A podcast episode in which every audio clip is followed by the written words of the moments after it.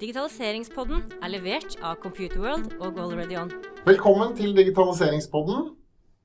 Dagens sending er med Dag Rustad og Jens Christian Bang. Som vanlig. I dag skal vi snakke om noe vi ikke kan. Så, som vanlig. Det er også ganske vanlig. Ja. Kompetanse. ja, det vet vi ingenting om. Nei, eller vi tror vi vet mye om om vi tror vi vet om det, men i dag skal vi i hvert fall lære mer om hva det er. Ja. Og hvordan det kan eh, settes ut i livet og kommuniseres og snakkes om. Så det blir spennende. Men før det, Ja. hvordan går det ut i markedet? I markedet, ja, i IT-markedet tenker Ja. du på? da. Jeg opplever at det er eh, Det er jo liksom eh, business as usual på mange måter. Ja. Det er klart Man merker jo at kundene er litt mer selektive. altså Du kvalifiserer litt hardere nå kanskje på prosjekter ute hos kunder. ja. Eh, naturlig nok, i og med at vi, vi ser litt, litt mørkere skyer på, på himmelen. Det, det er naturlig at eh, man er litt mer forsiktig med bruken av, av pengene sine. Det, det, men utover det så vil jeg si at det er relativt eh, eh, god fart. Jeg syns vi har hørt både det ene og det andre fra økonomer.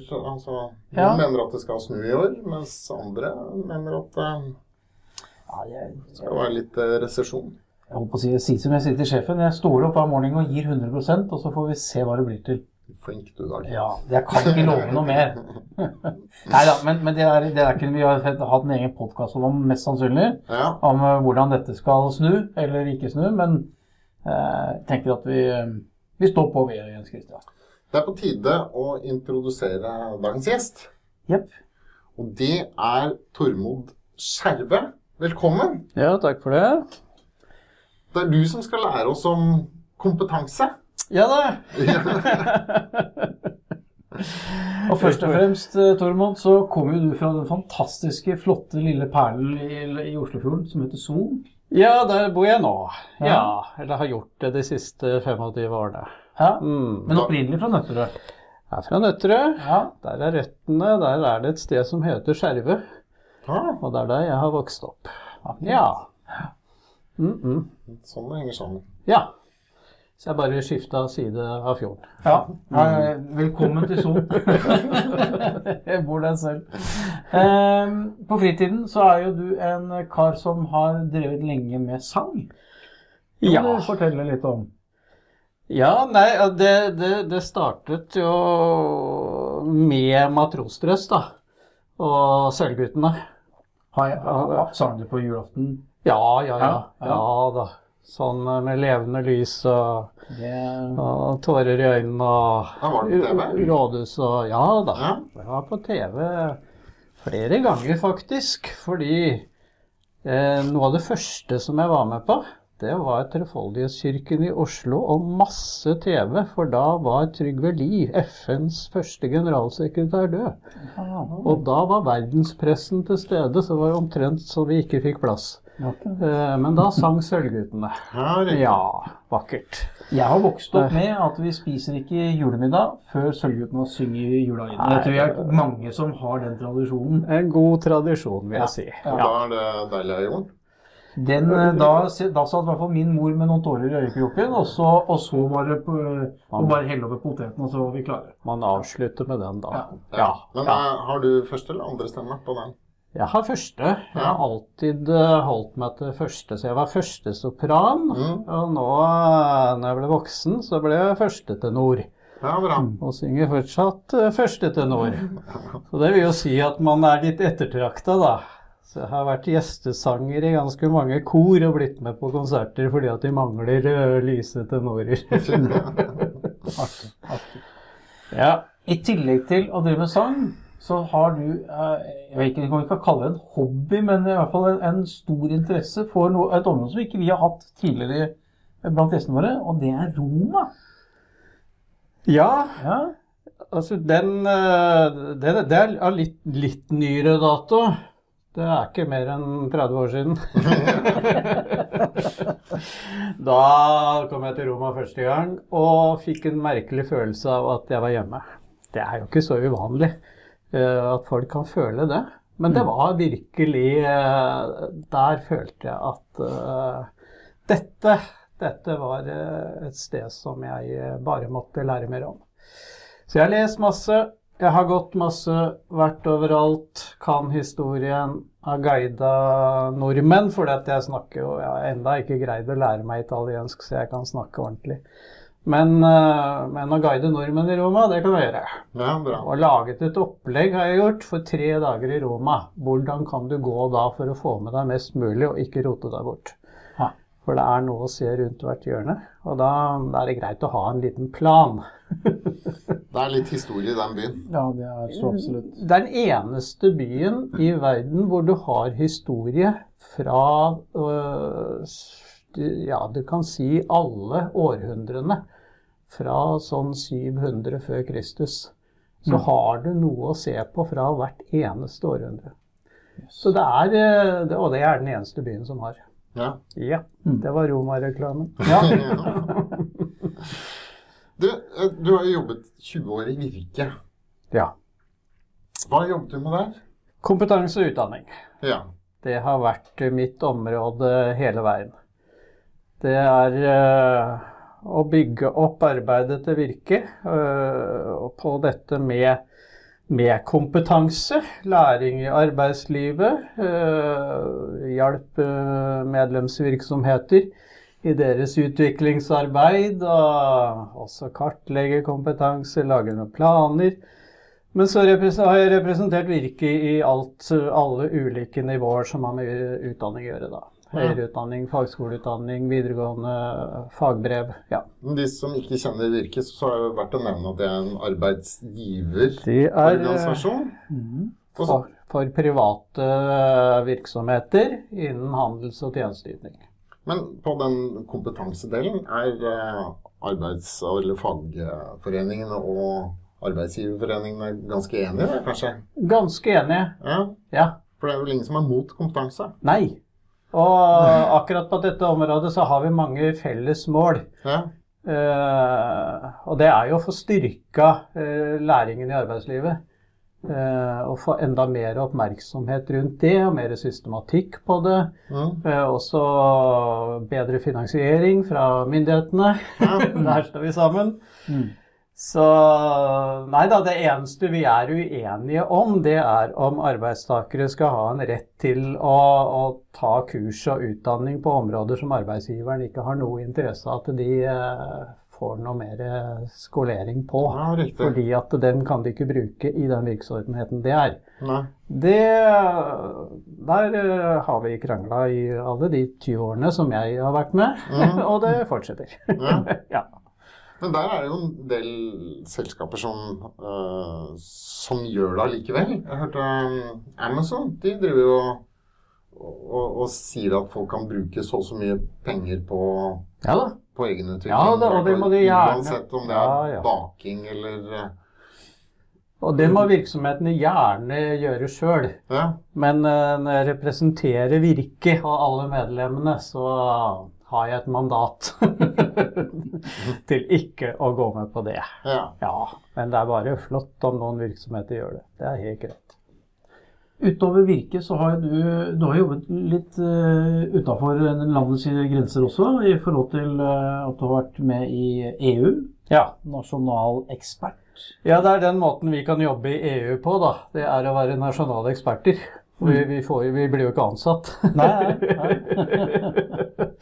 nei, så, så jeg jobbet for EU-kommisjonen i tre år.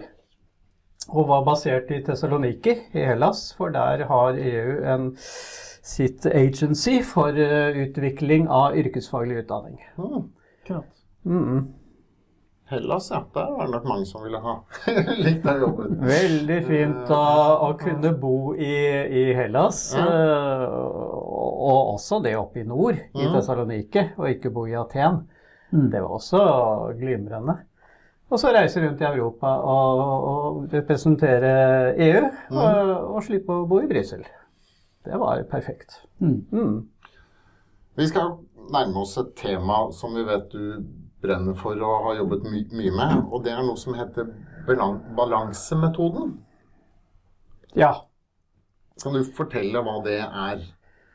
Jo, altså det, det heter uh, Balansekunst, heter konseptet. Og, og det er uh, en modell for hvordan en kan beskrive den kompetanse som en bygger opp på arbeidsplassen. Og som, uh, som, som regel ikke blir dokumentert. Men alle vet jo at den er der, så derfor så har vi kalt den for taus kunnskap. Ja. Nå er den ikke så taus lenger, for nå har vi en modell for å beskrive den. Og så er det en metode for å kunne kommunisere denne kompetansen ut til andre deler av arbeidslivet enn der hvor du har bygd den opp, sånn at de skal kunne forstå. Det er for å skape mobilitet, ikke sant? og også at det formelle utdanningssystemet skal kunne forstå denne kompetansen, sånn at de kan verdsette den. Mm. Det er balansekunst. Ja. Altså den læringen du har gjort uten å gå på skolen. Ja, det er det du lærer eh, når du kommer ut i arbeidslivet. Så starter du fra dag én så starter du med å bygge mer kompetanse enn det du har. Ja. Fordi at der møter du en virkelighet som krever noe annet av deg. Og så starter du umiddelbart med å bygge på den utdanningen som du kommer med. Så utdanning er kjempeviktig. Den bestemmer jo egentlig hvor i arbeidslivet du kan starte. Mm. Men det er aldri nok for noen. Nei. Altså det holder kanskje en uke, men eh, ikke mer enn det. Så må du ha bygd opp noe mer kompetanse i den rollen som du skal mestre. Og det er, det er inn i dette som, eh, som eh, balansemodellen da eh, gir et verktøy for å kunne beskrive det du da begynner å bygge opp. Ja. Ja, og som er nødvendig. Jeg har jo sett noen sånne skisser med, eh, med sånne balansevipper. Og så at det er Ja. på tre områder. Og, Ja, ja, ja. Uh, ja. Kan, kan, du fortelle litt om dem? Ja, det skal, fordi at det er jo Clouet var å fange opp den dynamikken da, som er i arbeidslivet. Mm. Eh, Det er jo kjempedynamisk, den måten vi bygger kompetanse på. Og hvordan kan du lage et rammeverk for å kunne beskrive det? eh, Uansett egentlig hvilken rolle du har, hvilken utdanning du kommer med. Og da ble det faktisk en, en, et enkelt rammeverk med seks balansepunkter som, hvor de danner tre par. Ja.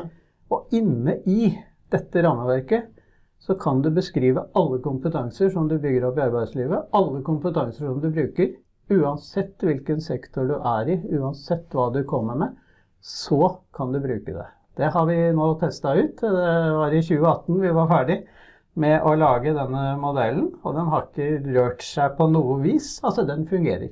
Mm. Eh, I veldig ulike deler. Vi har testa den i helse, vi har testa den i utdanning, vi har testa den i ja, eh, mange ulike deler i arbeidslivet. Og det er Altså, eh, vi holder på å skulle på en måte balansere veldig ulike uh, typer kompetanser. Mm. Uh, Det er ikke sånn nice som du kan i et utdanningssystem, da. Hvor du, hvor du er innafor et fag, og så er det en progresjon i faget, og så følger du den progresjonen. ikke sant? Når du er ute i arbeidslivet, så blir du kasta hit og dit. Eh, og må finne en god balanse i den rollen som du har. Eh, og hvis jeg skal ta disse tre ja. dimensjonene med en gang Jeg ble nysgjerrig med en gang du nevnte dem. ja, for at det er eh, Den ene går mellom mennesker. Altså Uansett hvilken rolle du har i arbeidslivet, så må du forholde deg til mennesker. Du må kunne være god på å relatere til mennesker på et eller annet vis.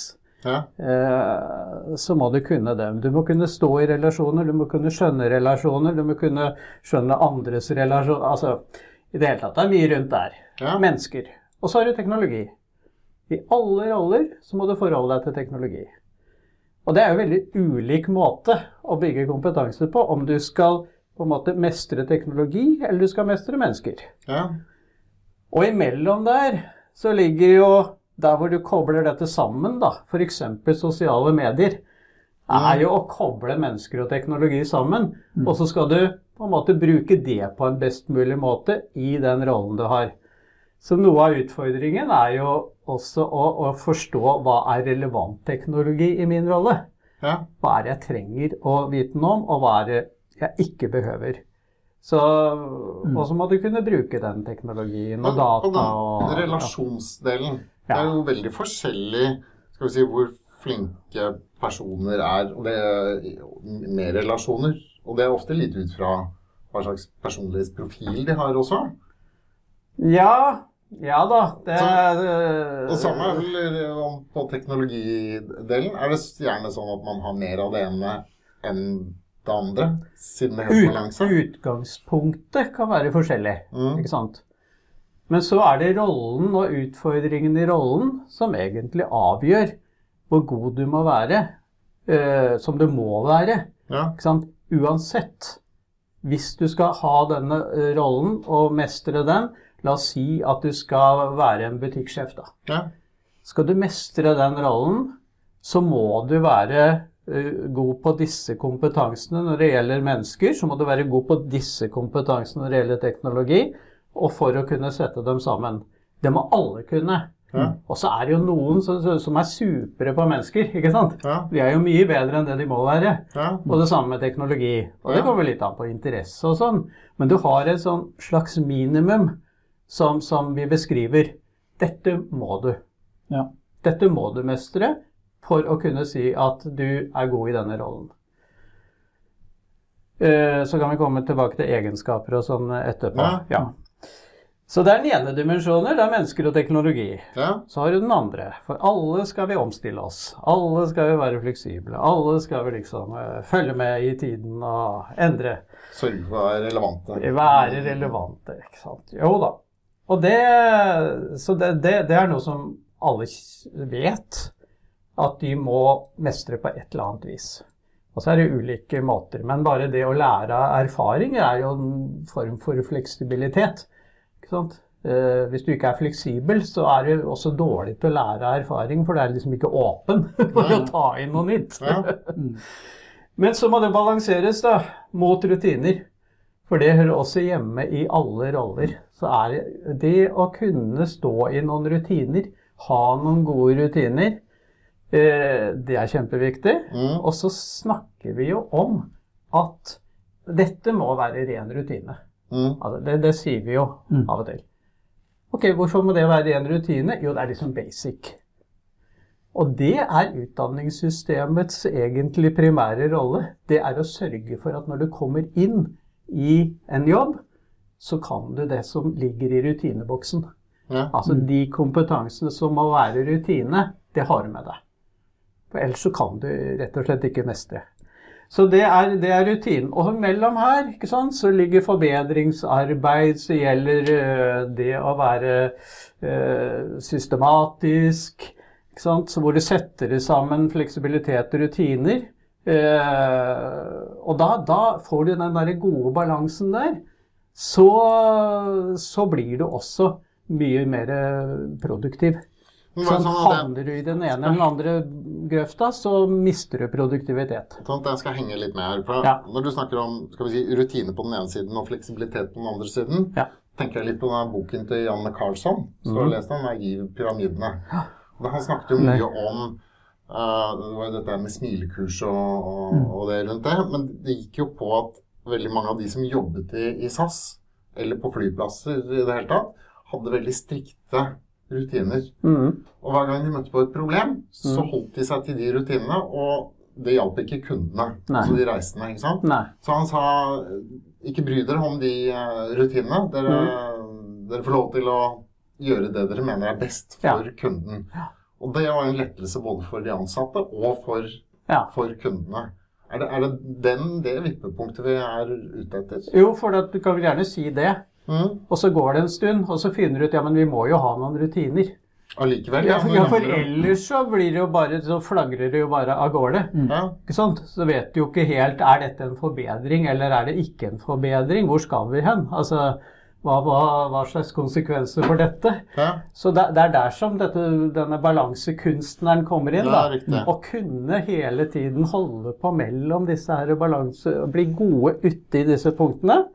Men også drive og flekse og være Og desto, desto større virksomhet du har, desto større tendens har du til å få stort rutineverk. Ja. Og som igjen gjør skal vi si, arbeidet statisk da, og ikke fleksibelt. ja, og som du må ha, Ja, ikke sant? ja dette Så er det ja.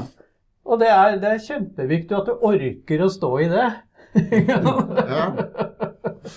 Og noen sliter jo, selvfølgelig. De vil bare være i fleksibilitets... Og være Ja. nytenkende og innovative og greier. De tar seg jobb i en eh, liten startup-bedrift istedenfor å jobbe i et stort konsern. Ja, og så tar det ikke lang tid før de har utvikla noen rutiner Ja. for Ja. at dette skal funke. For at det skal bli produktivt. det er- ligger jo i menneskets natur at vi liker rutiner. Ja, jo. Ja. Og det, det, en eller annen form. og Man kan gjerne så- si at man ja. ikke liker rutiner, men jo, du gjør det. Ja, du gjør det. det bare, bare, hva er dine rutiner, og hva er mine Ja, rutiner? ja. Men, men jeg, jeg, nå har jeg ikke hørt de to siste, men jeg, Det er en til. en til. en til. Mennesker, teknologi, Ja. fleksibilitet, rutiner. Da har du en til. ja. Ja. Ja. Jeg, jeg, si det, da. Ja, men det er noe som alle kjenner veldig godt til, og som det ikke fins noe fasit på. Og det er virkelig en balansekunst, og det er mellom tempo og tilstedeværelse. Mm. Du må kunne ikke sant, holde et høyt tempo. Du må, dette har med effektivitet å gjøre. Sant? Du må kunne ta noen beslutninger. Du må kunne gjøre noen prioriteringer. Mm. Du må kunne gjennomføre. Ikke sant? Mm, Og ikke dette Altså, prosessen er hele veien. Det er ikke det. Det er Veien og målet av tankegangen, da. Ja. altså, du må komme fram til noe. Ja. Ikke sant? Så tempo og det å finne en, en god måte Altså, hva betyr tempo i den rollen du har? Eh, det er viktig. Og så må du kunne være til stede. Mm. For hvis du ikke da har evnen til å eh, sette deg ned, snakke med folk, forstå folk, lytte Altså å vite f.eks. Hva, hva er det eh, du holder på med? Har du gjort noen prioriteringer? Ja, så må du holde på dem også. Mm. Ellers så, hvis du, så tror du kanskje at tempoet er å bytte disse prioriteringene med en gang du liksom komme på noe nytt. Ja. Nei, så er det å holde på dem til du faktisk uh, greier å gjennomføre det du hadde tenkt. Mm. Så den derre Og du ser jo når jeg, når jeg holder eh, foredrag og snakker om dette her, så slutter jo folk å se ned i mobilen sin akkurat når jeg tar det der poenget der. Ja. For at det da er de ikke sant? I huet sitt så har de ikke tid til å sitte bare og høre på meg. De må også jobbe litt mens de hører på meg. Ja. Er det, er det effektivt? Nei, det har du vel altså, funnet ut at det er det jo egentlig ikke. For nei, ingen kan multitaske. Så dette handler jo om effektivitet. Mm. Hvordan blir du mest effektiv i den rollen du har? Mm. Og de som er gode i rollen, de forteller meg hva, hva de gjør, hva, hva de må være gode på. Men dette Hvordan er mestrer de dilemma vi opplever alle sammen. Alle Altså, sammen. Og, og, og særlig vi som har vært i salg i lang tid. Vi, liksom, vi må higge videre og er på en måte i stadig Mhm. stress. Mens innimellom hadde det jo vært fint å satt seg ned og planlagt et møte, brukt et par timer på det for Mhm. at møtet skulle bli desto bedre, istedenfor å få få mange av de møtene. Ja. Så det er litt sånn, det er litt sånn eh, kvantitet mot kvalitet. Uh, type vurdering. Veldig. Mm. Ja, altså noen roller. Jeg var borti en jeg laget en uh, Jeg kommer så tilbake til metodikken etterpå, da, og hvordan vi gjør dette her. Men, men eh, dette Det er jo i noen roller du er veldig mye i møter. Og da blir dette med møterutiner det blir faktisk en nøkkelkompetanse. Og Ja. den ligger der, ikke sant, mellom tempo og tilstedeværelse. Mm. Der må du kunne mestre begge deler. Og dette, det, for, nå syns jeg dette ble interessant, fordi ehm, nå har vi jo tatt disse tre parene Mm. med de to pil pilarene på, i hvert par, ikke sant? Ja. De kan, kan de være på, på kryss og tvers her også? Ja. Fordi jeg tenkte sånn, Når du snakker om rutine, Ja. ja, da hører jeg teknologi med en gang. Ja. Eh, I forhold til eh, approval-prosesser og alle? Det ligger gjerne i et verktøy eh, som har hørt til teknologien. Men det hører også med mennesker, for det sitter noen mennesker bak disse forskjellige rollene ikke sant? Ja. i rutinene og sånn. Så hvordan, hvordan, eh, hvordan Jeg hører de tre parene, men hvordan fungerer disse sammen på kryss?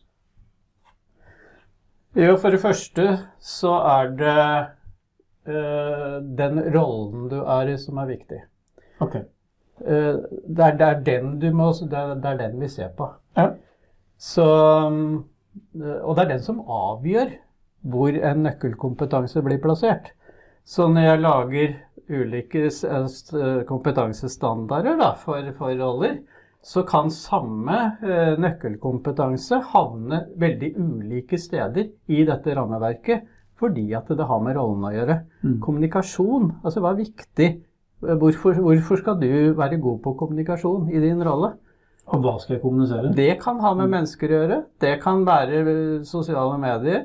Det kan være rutiner, gode rutiner. Det kan være mellom jeg, en rolle hvor det var helt tydelig den lå mellom tempo og tilstedeværelse. Det er de som driver med sceneteknisk produksjon og kjører eh, lyd og lys på festivaler og konserter. Der ligger ikke kommunikasjon som noe teori, eller eh, hvor du kan sette deg ned og snakke. Der må du kunne kommunisere mens det er masse bråk i rommet. Mm. Så må de kunne forstå hverandre. Ja. Og hvis de ikke gjør det, så, så knekker liksom Og produksjonen. effektiviteten må jo være til stede også. Ja, ja. Nei, det, altså det, det den havner forskjellige steder. Og så er det av og til en, en ser at uh, uh, dette her er jo så viktig at den kan jo nesten plasseres overalt. I alle seks balansepunktene. For dette her er jo liksom en sånn nøkkel for hele rollen. Mm. Ja, da må vi splitte den opp, da. Ja. Ja, hva, hva er det som har med mennesker å gjøre her? Hva er det som har med teknologi? Hva er det som har med fleksibilitet? Og så, og så splitter hun bare. Ja. Og så kommer hun ned på det, de kompetansene som faktisk altså Hvor du kan være mye mer presis. Dette må bygges opp Mm. for å mestre denne rollen. Men betyr det at du kan pare teknologi med tilstedeværelse? Eh, Eller må den pares med mennesker? Nei, nei altså det, det er Altså Hvis du ser av balansekunstneren da, inni dette her, Mm. så står jo ikke balansekunstneren liksom eh, bare på én dimensjon. Denne balansekunstneren beveger seg opp og ned og rundt omkring fordi at alle disse seks eh, balansepunktene hører jo sammen, Ikke sant? på et vis. Ja. Så, så det er et bra poeng, det der. der. Altså, Men de, Det- de, de skal vi si, tre parene er jo på en måte Hvert par er jo litt motstridende hverandre. Ja, det er, det, er, derfor du er det er derfor vi har satt opp sånn. Ja. Men så, så jeg har flere ganger så har jeg gitt uh, dyktige folk utfordringen. Kan ikke dere visualisere dette på en annen måte enn det vi har greid? Ja. Ja. Det er- enda ingen som har kommet opp med hvordan, hvordan kan du visualisere denne dynamikken? Ja. Men det er viktig å snakke om det, sånn Ja. som du utfordrer til nå. Eh, ja, det er rett og slett bare for å forstå bedre. Altså, Ja, ja. eh, Men, men, eh, Men er dette, gjelder denne balanse, altså disse tre, tre nivåene, gjelder det for en stilling? For du sa rolle. Ja. Eller er det for en person?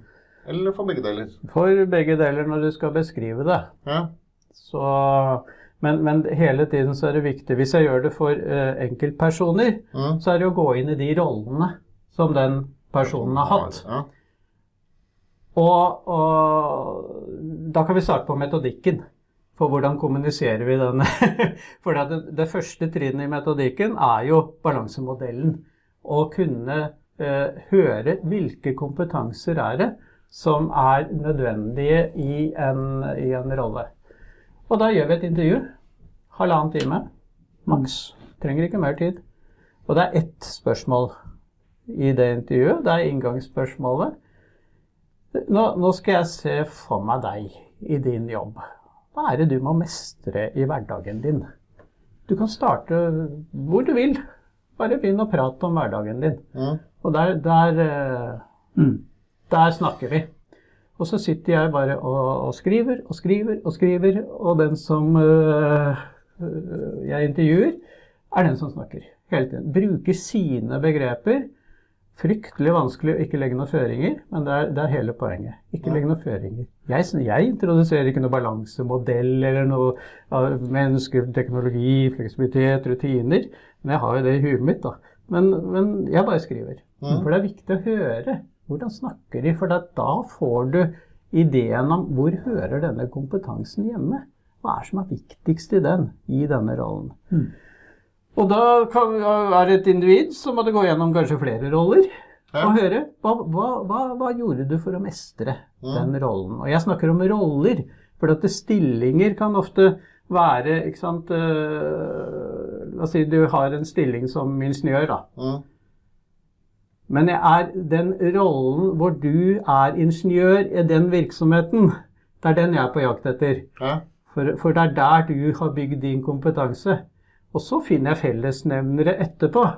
Ikke sant? For det å være ingeniør, det, det kan kanskje ha veldig mye til felles uansett Ja. hvilken virksomhet du er i. Men du må kunne snakke konkret Mm. om der du er. Ja. Ja. Så det er det, liksom det første skrittet. Og jeg, så, enten så lager vi det for et individ, eller så lager vi for en rolle. Eksempel så var det sykehjemsdirektører. De er medlemmer i Virke med disse private sykehjemmene. Hva, hva er det egentlig en avdelingsleder hos meg må, må kunne? Mm.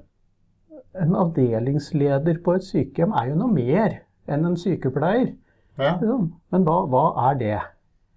Jo da, så laget jeg en da, ikke sant, intervjua jeg avdelingsledere på sykehjem. Ja.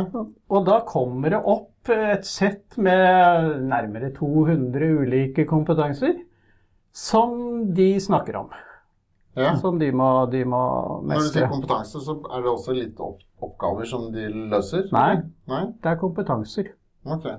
Det er forskjell på oppgaver og Her kompetanse. skal vi ikke blande begrepene. Nei. ja. Nei. Fordi at når de snakker om oppgaver, så spør jeg ja, men hva gjør du? Hva er det du gjør? Setter opp Altså, vaktlister altså, på et eh, Ja, altså, sykehjem. Ja. Hva, hva gjør du da? Ikke sant? Hva er det du må tenke gjennom da? Altså, Hva er det som gjør at du kan lage en god vaktliste? Mm. Hvilken kompetanse er det du bruker da? Ikke sant? Ja. Ja. Og da kommer vi til kompetansen. Mm. Så det er bare et, et enkelt lite spørsmål inn der. Så, så, så finner vi kompetansen. Og da, men du kan ikke altså, Så er poenget da at du skal kommunisere øh, denne kompetansen som avdelingsledere på sykehjem bygger opp. For dette bygger de opp i rollen sin. Dette har ikke med fra utdanning. Dette, dette er fordi at de har den rollen de har. Og da kommer nøkkelkompetanser inn i bildet. Ja. Så koker dette ned til en 10-15 maks nøkkelkompetanser som kan beskrive denne rollen. ja, for du sa at det kunne godt være Var det 200? Ja, ja. Ja. Det er helt vanlig å komme opp i der når vi, når vi går inn i en rolle. Men da mister man jo oversikten. Et vanlig menneske vil Ja. ikke Du kan huske ikke, på det. nei, du kan ikke kommunisere det. Ikke sant? For det, det gir jo ingen mening. Det er litt av en stillingsannonse. Vi vil at du skal kunne dette. Ja, ja da, men i styr... Ja. Det er også det, det, for i stillingsannonser er det nesten ingen kompetanser. Det er bare mye annet Ja. som de spør etter. Er- Men det er nå så. Eh, men så finner vi det, og så bes, og, men så må dette beskrives. For en nøkkelkompetanse kan hete det samme i ulike roller, men ha ulikt innhold. Så, og da bruker vi dette som heter læringsutbyttebeskrivelser.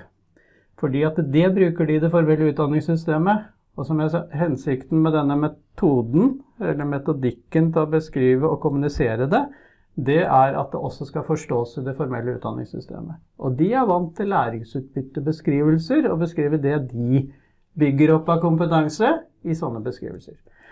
Eh, Så da gjør, vi det samme i arbeidslivet, og bruker læringsutbyttebeskrivelser. Mm. Og da får du et sett da, med kanskje én, maks to læringsutbyttebeskrivelser for hver nøkkelkompetanse, som beskriver hva ligger i dette. Hva er det vedkommende kan, forstår, øh, kan gjøre. Mm. Ja. Og da har du en kompetansestandard for en rolle i, i øh, arbeidslivet.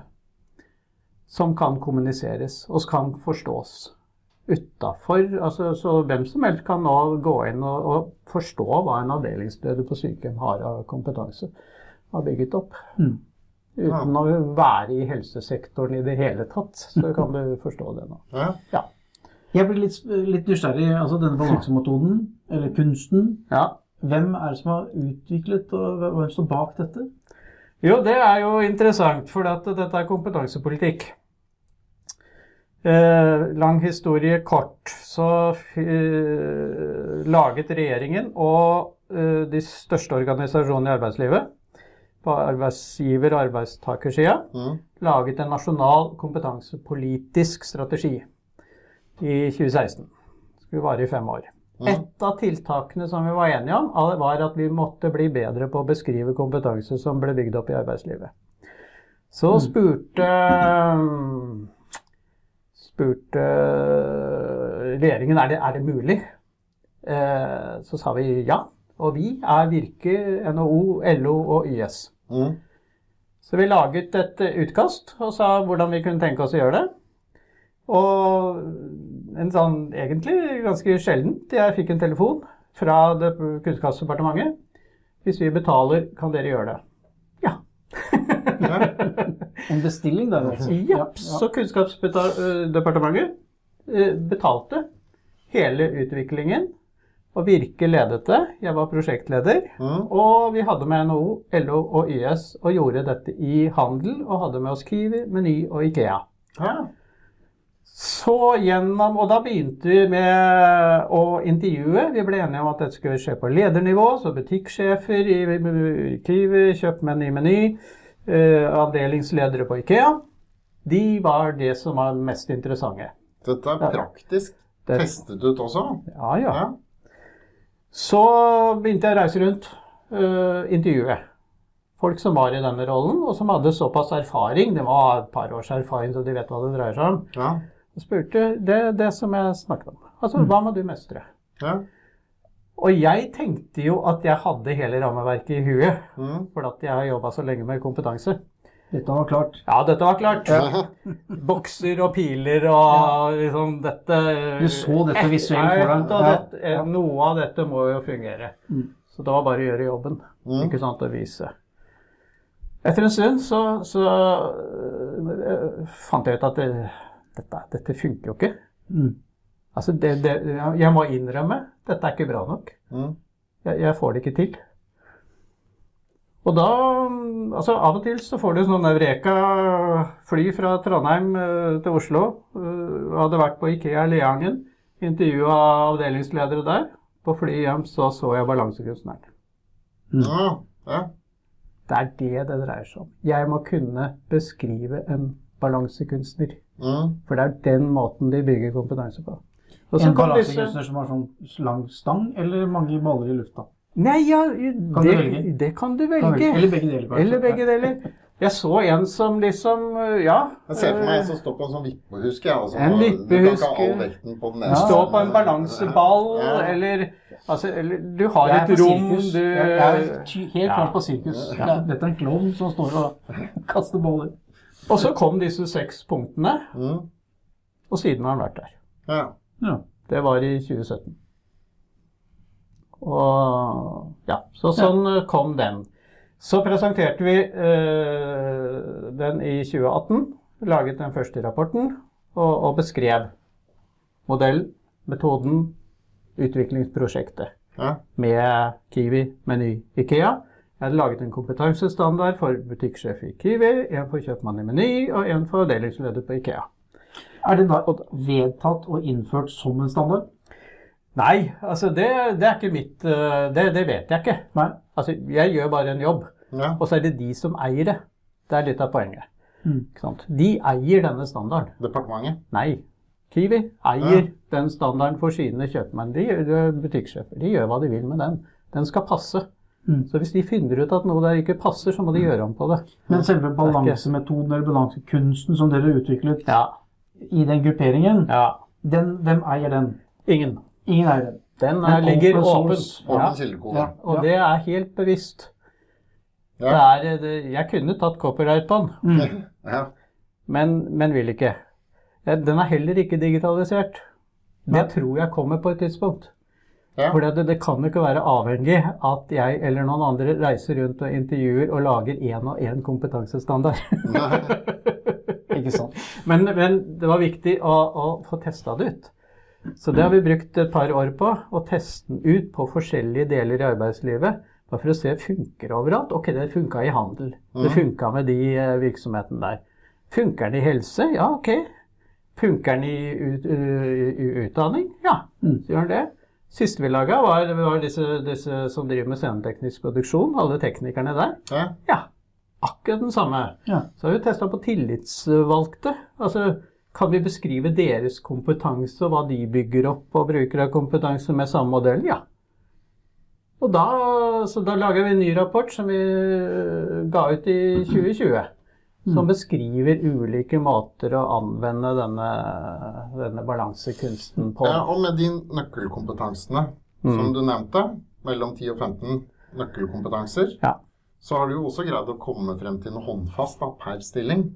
Og ja. Jeg kan begynne å måle, eller per rolle, som du kan måle en person opp mot, sånn at du kan se hva de mangler av kompetanse for å komme seg kunne gjøre jobben enda bedre.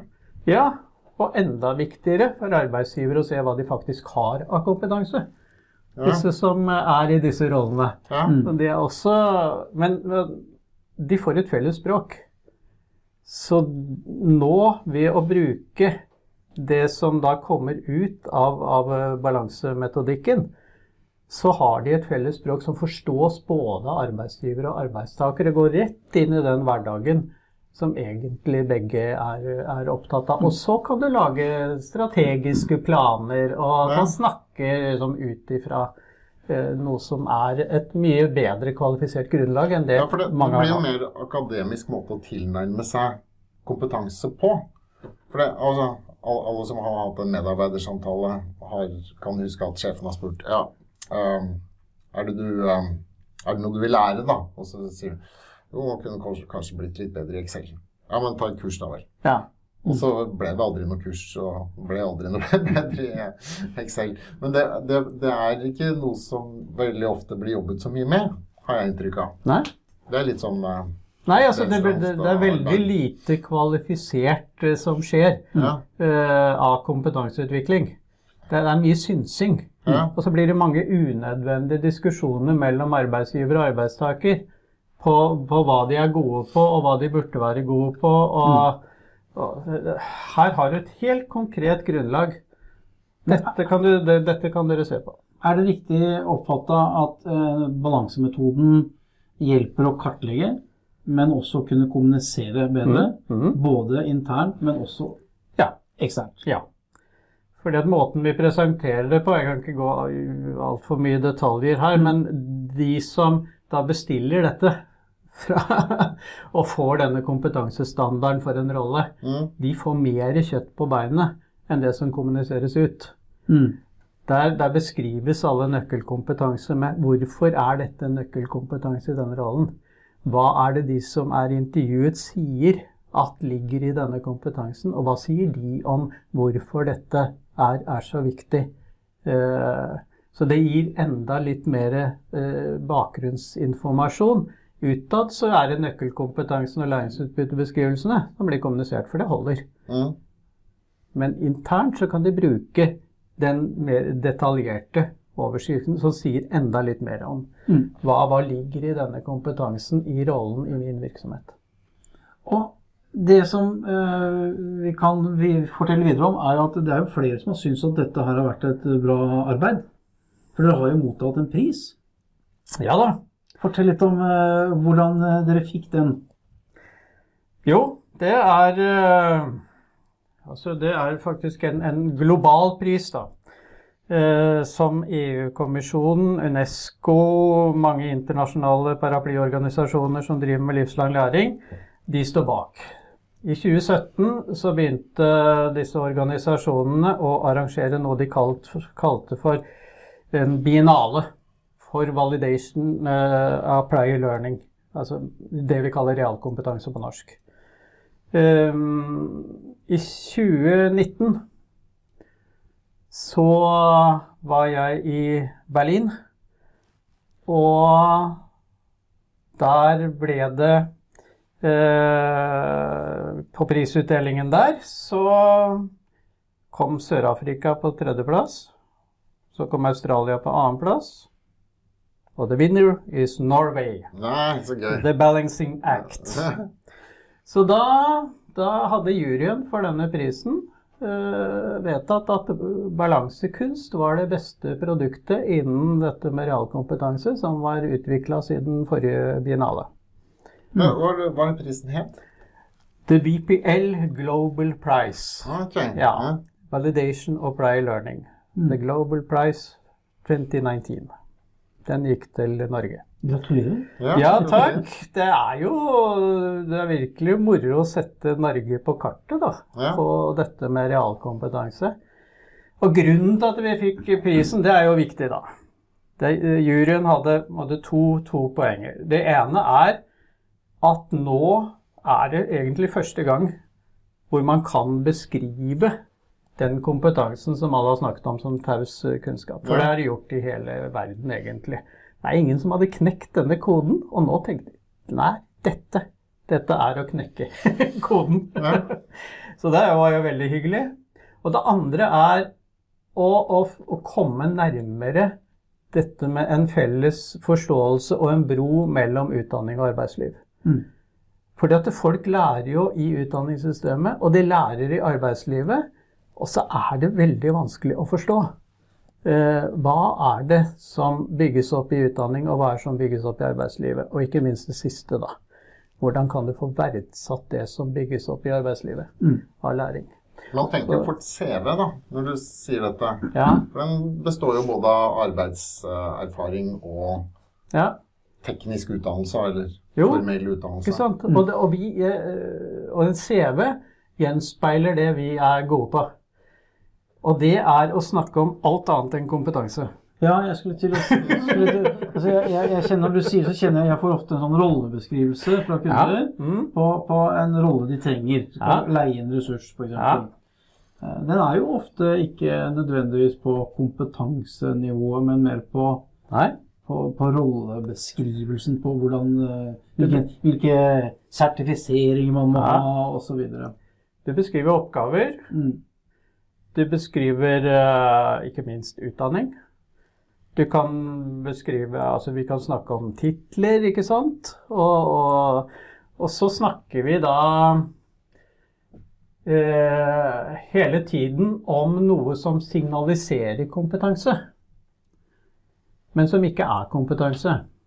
Ja. For vi har jo ikke noen trening i å snakke kompetanse. Og dette gir seg jo mange utslag. altså F.eks. Altså bare, bare begrepet. Eh, jeg liker jo når vi liksom internasjonalt snakker om validation of prior learning. Men i, i, i Norge og mange andre land så snakker de om non-formal, informal learning. ikke sant? Ikke-formell og uformell. ja. Altså du snakker om læringen uh, utenfor utdanningssystemet for noe den ikke er. Mm. Og dette syns vi er helt ålreit. Ikke sant? Du kaller den bare ikke-formell. Altså, men det sier jo ikke noe hva det er. Den, den, men den høres mindre verdt ut. Ja, selvfølgelig. Det er jo hele poenget. Ja. At den skal høres ut som den er mindre verdt. Det er et B-prosjekt, ja. det du lærer ute i arbeidslivet i forhold til det du lærer i utdanning. ja. Men i virkeligheten så er det jo motsatt. I, Altså, I virkeligheten så trenger du begge deler. har du jobbet som, som selger i fem år, så har det mer å si enn I hvert fall hvis du skal inn i en ny salgsjobb, da. Enn eh, Altså, du Ja, sånn, der, er det, det er en jo sti, stigemodellen, ikke sant? At Ja. du tar noen steg i, i um, karrieren. Mm. mm. Jo, og det er eh, ikke sant, for det, hvis, du, hvis du forveksler kompetanse med utdanning jeg, jeg, jeg satt i dette nasjonale kompetansebehovsutvalget som regjeringa oppnevnte. Vi lager tre store, tjukke NOU-er om, eh, om kompetansetilstanden i Norge. NOU står for norsk Nor, Nor, Norges offentlige utredninger. Ja, riktig. Ja. Ja. Takk. Uh, og de skulle ha tre sånne, og det er, det er, det er skikkelig eh, verk som en blir bedt om å lage. da. Ja. Og der skal vi selvfølgelig si noe om kompetansenivået blant, i befolkningen. Det fins jo ingen data på det. Nei. Det vi må bruke, er utdanningsnivå. Og så sier vi ikke sant, gjennom det at hvis befolkningen skal, skal høyne ut, eh, kompetansenivået, så må det høyne utdanningsnivået. Og da detter vi jo liksom i to Det er, det er, det er tragisk, egentlig. fordi at i den ene enden, så hvis lang, ø, høy utdanning er, er lik høy kompetanse, så sitter du igjen med bl.a. en del ledere som kan dokumentere sin lange, høye akademiske kompetanse, utdanning, og, og, og si at de har høy kompetanse og er helt udugelige som ledere. Men de får lederjobber Mm. På grunn av utdanninga si. De har master og kanskje enda litt mer. Så da har de per definisjon høy utdanning og er, er en, ja, direkte farlige, eh, noen av dem. Men, men i den andre enden, hvis jeg Ja. skal ta det Ja. for at den, den er i- ille, for da, da er det en del folk som blir definert ut. Altså, de har lav formell utdanning. De har kanskje ikke mer enn grunnskole og knapt nok det.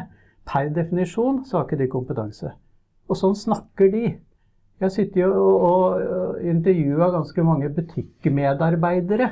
Og de, de starter jo gjerne med at jeg bør ikke snakke med dem, for de har ingen kompetanse. De har nesten ikke utdanning. Og så begynner de å prate, da. Og så har de jo masse kompetanse. Altså jeg, med min lange akademiske utdanning, hadde gjort den jobben mye dårligere enn dem. Mm. Men de har altså et selvbilde på at de ikke har kompetanse, og det, er, det får de å høre. Jeg har fått litt lyst til å dra det litt helt ned på jorda. Mm. Hva betyr kompetanse? Jo, kompetanse, det er uh, latin. Uh, kommer av kompetire, og det betyr å skape symmetri. Å få noe til å passe sammen. Og det gir jo mening, ikke sant?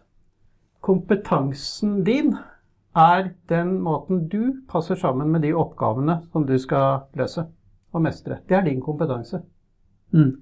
Altså, kompetanse er en relasjon. Ja. Og det kan være gap, øh, og større og mindre gap i kompetanse, f.eks. Ja, så det er den relasjonen som, som avgjør. Mm. Hvor, hvilken kompetanse har du?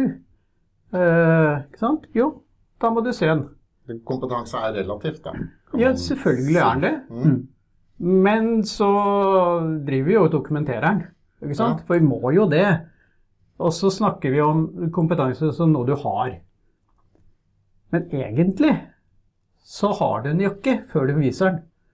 Altså, Det hjelper ikke om jeg sier at jeg har gjort uh, ti gode podkaster. Ja.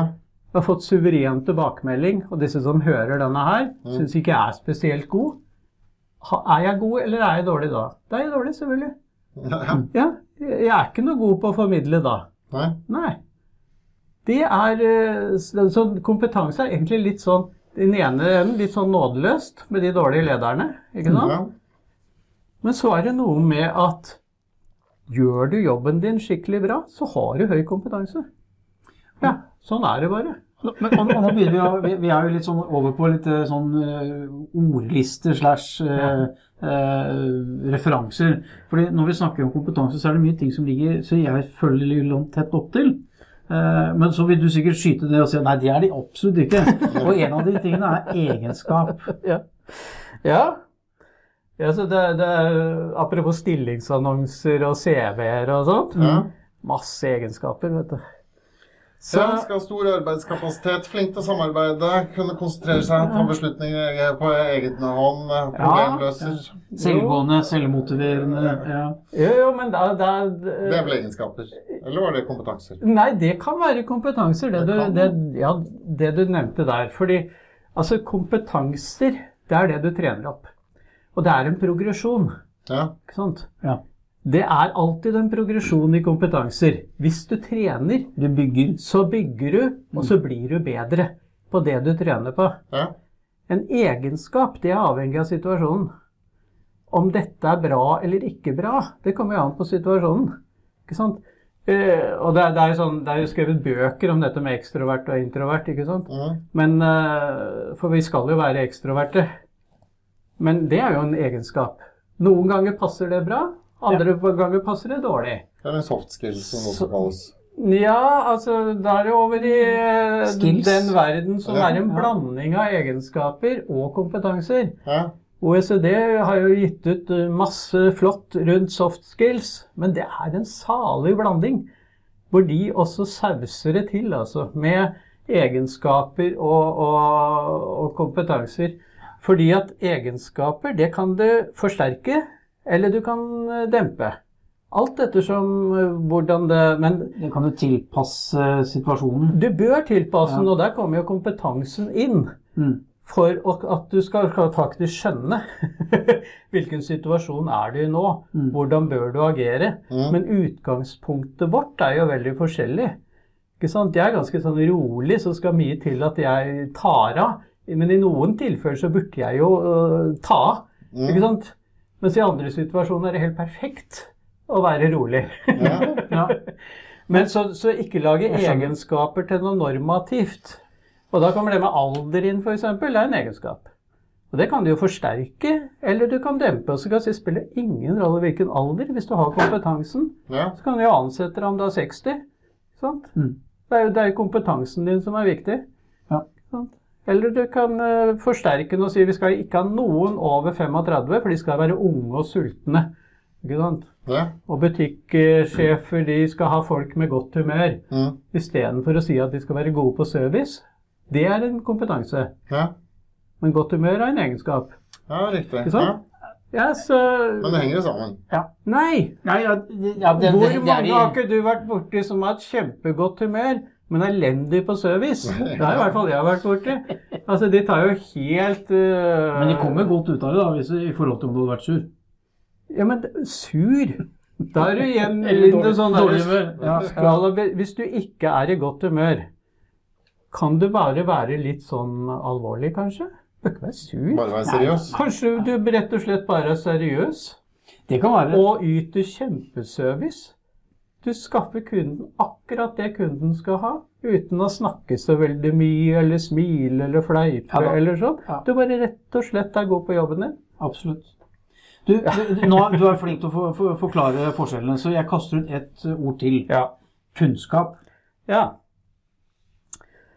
Det er eh, Når vi snakker om læringsutbyttebeskrivelser, da kommer vi tilbake til dem. Mm. Så, så når det ble utvikla som et begrep, så fant den ut at det, det var hensiktsmessig å dele det i tre. Kunnskap, ferdigheter og noe som het generell kompetanse. Den tredje er liksom litt diffus, Ja. for det var det som var igjen. Ja. Som ikke er verken kunnskap eller ferdigheter. Annet. Ja, annet. Så den heter eh, egentlig bare 'competence' eh, på engelsk, den er det tredje. Ja. Men 'knowledge', ikke sant? det er det som eh, alle i utdanningssystemet er veldig gode på. Kunnskap. Ja, kunnskap. Altså de bruker ikke sant, I i et utdanningssystem så bruker du fag og fagområder som et referansepunkt. Og innen et fag så ligger det masse i denne kunnskapsbiten. Det er rett og slett kunnskap som du bygger opp for å bli god i det faget. Og så kan det ligge noen ferdigheter der, kommer litt an på hva slags fag det er. Men alle fag har jo en sånn kjerne eh, av kunnskap som, som eh, et utdanningssystem er, er kjempegod på. Så jeg har vært med å lage læringsutbyttebeskrivelser, f.eks. For, for, for Økkan-fagene på universitetet og høyskoler. Mm. Og det er jo så mye som du kan putte inn på kunnskap. Og så er det litt på ferdigheter, og så er det bare svada på den der siste. Ja. Ja, det er, det er egentlig ingenting. Du bare må fylle ut noe. Akkurat. Mens i arbeidslivet så er det kanskje motsatt. Ikke sant? Det er den der siste som er veldig lett å fylle ut. Og ferdigheter, og hva må du ha av kunnskap, ja, det kommer til slutt. Gjerne. Det er den der som jeg snakka om som ren rutine, kanskje, så du, du må vite. Ja. For ellers så Hygienetingene. Ja, ikke sant? Ja. Du, du må ha en viss basic forståelse her, ellers så funker det ikke. Mm. Ja, Så eh, det er kunnskapen. Du, jeg ser at vi, vi, vi må snart inn for landing. Ja. Eh, jeg må, jo, jeg må jo bare innrømme, etter å ha snakket med, med Tormod i en time nå, så, så kjøper jeg det du sier, at vi ikke er gode til å snakke om kompetanse. Altså bare de siste tre uttrykkene, og hvordan liksom Få det definert, ja. få det, få det definert osv., så videre, så skjønner jeg at her er det mye å hente. Jeg tror jeg skal høre på egen podkast for å få det ordentlig. Jeg skal høre på denne, faktisk. Ja, ja. Eh, Ja. Vi har jo et, eh, et siste spørsmål som vi gjerne stiller spør gjesten vår. Eh, kanskje du skal ta den i dag, Jens Ja. Jeg, jeg antar jo at du hører på Digitaliseringsboden. Hvem kunne du tenkt deg å ha hørt som neste gjest på Digitaliseringsboden? Bortsett fra deg selv, da. Nei, altså jeg liker ikke å høre på meg selv, så det er mye mer spennende å, å høre på andre. Ja, jeg sa det, siden det var neste. Nei, hvis jeg skal ta, ta litt sånn på sparket, så har jeg hatt en eh, Jeg hadde en nær kollega eh, i Virke som ja. kom fra digitaliseringsverdenen, Ja. teknologiverdenen. Jeg er rimelig blank i den. Eh, og så jobba vi sammen der. Eh, og så er hun nå utviklingsleder på Fagskolen i Oslo og sitter i styret for noen svære industrigreier som bygges opp eh, oppå Økeren der. eh, og, og, og er liksom veldig sånn spennende person med dette og, og rett og slett den balansen mellom mennesker og teknologi, da. ja. Mm. Kanskje det var eh, Absolutt. Anne Eggen Lervik, heter hun. Anne Eggen Eggen Lervik. På Fagskolen i Oslo. Utviklingsleder. Hvis du hører på nå, så kan du sende en mail til meg til post Eller hvis noen andre øh, hører dette, som kjenner henne, så kan man fortelle om det. Ja. Post Så kontakter vi deg. I dag har vi lært litt, Jens Christian. Oh yes. Jeg er litt sliten i hodet. Ja, det, altså, nå, må jeg, nå må jeg snart sette meg i bilen og, og lande litt. Jeg må sortere. Ja. Men det er morsomt. Det, det tror jeg, ja. Hyggelig å være her. Vil du prøve deg på en eh, kjapp oppsummering? Eh, ja, altså, med tanke på eh, gjesten vår i dag, Tormod, som har da en lang erfaring innenfor eh, dette temaet med, med kompetanse og læring. Jobbet i Virke eh, og vært EU-nasjonalekspert. Det er litt morsom tittel, syns jeg, da. Mm. Eh, vært eh, svært delaktig i balansemetoden, eller balansekunst. Fikk en åpenbaring på en flytur hjem fra Trondheim som faktisk satte Jeg får sånne hanger på sånne helt uvesentlige faktaer. Men var det SAS eller Norwegian? Det var SAS Det på, var SAS, ja, på den tiden ja, der. Ja, ikke at det betyr noe, Det er men viktig ja, det er viktig, viktig oppsummering. Ja. Metoden har fått eh, mottatt en, en pris, en, en global pris, eh, som er veldig, veldig eh, gjevt. Og vi har snakket en del da rundt om dette med kompetanse generelt. Hva betyr kompetanse? Og litt sånn hva litt sånn skildringer på kompetanse, egenskap, kunnskap, eh, ferdigheter. Ikke sant? Og disse, disse tre parene, eh, polene, som var innenfor balansemetoden, husker jeg. Ehm, ja, det var vel egentlig det, Ja. for min del. Da tror jeg vi må si at det var siste ord eh, sagt. Ja. Da sier jeg tusen takk til eh, Tormod Skjerve, Dag Rustad og meg selv, Jens Christian Bang. Takk for i dag. Takk for i dag. Takk for at du hørte på Digitaliseringspodden, levert av Computerworld og Already On.